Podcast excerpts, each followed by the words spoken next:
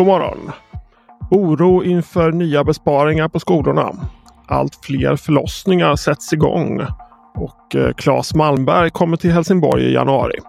Här kommer de senaste nyheterna från Helsingborgs Dagblad. Malmö är med i en stor studie om förlossningar som sätts igång. Nästan var tredje förlossning i Skåne blir numera igångsatt eftersom studier har visat att komplikationer och risken för att fostret dör i magen ökar efter vecka 42. Petra Popper är en av de skåningar som deltar i studien. Hon hade två barn sedan innan när hon gick över tiden med sitt tredje barn och fick frågan om att delta. Under tiden väntade hon hemma. Det kan ta ett par dagar innan förlossningsarbetet börjar efter att man har blivit igångsatt medicinskt. För Petra Popper så tog det ett halvt dygn efter igångsättningen tills lilla Maja föddes. Att vänta hemma var en bra upplevelse tyckte hon. Det väntas tuffa besparingar på skolan i Helsingborg och det väcker oro bland anställda och fack på skolorna i stan.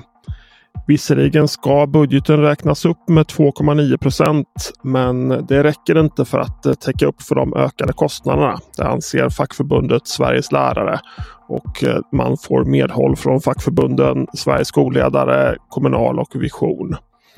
Särskilt oroade är eh, fack och anställda över elever i behov av extra stöd. Lärare befarar också att allt fler elever nu kommer att få svårt att uppnå kunskapsmålen. I januari är det premiär för krogshowen Kul efter jul på Parapeten i Helsingborg. Bakom satsningen så står den rutinerade trion Claes Malmberg, Anders Aldegård och Sofie Lindberg. Claes Malmberg beskriver det mer som en krogshow än som en revy. Även om han numera bor i Barsebäck och handlar i Helsingborg så känner han ännu inte helsingborgarna så väl. Men han hoppas att de ska gilla showen på Parapeten. Israel och Hamas är nära en uppgörelse om eldupphör. Det uppger Hamas högste politiska ledare.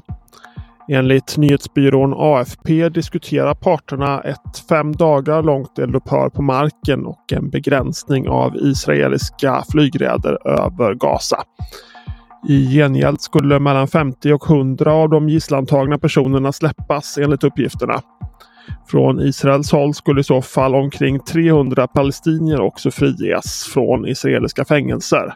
Bland annat eh, kvinnor och barn. Men Israel har ännu inte kommenterat uppgifterna. Till sist stoppar vi in en liten efterlysning. Har du kanske bilder i dina album som berättar om livet på Adolfsberg?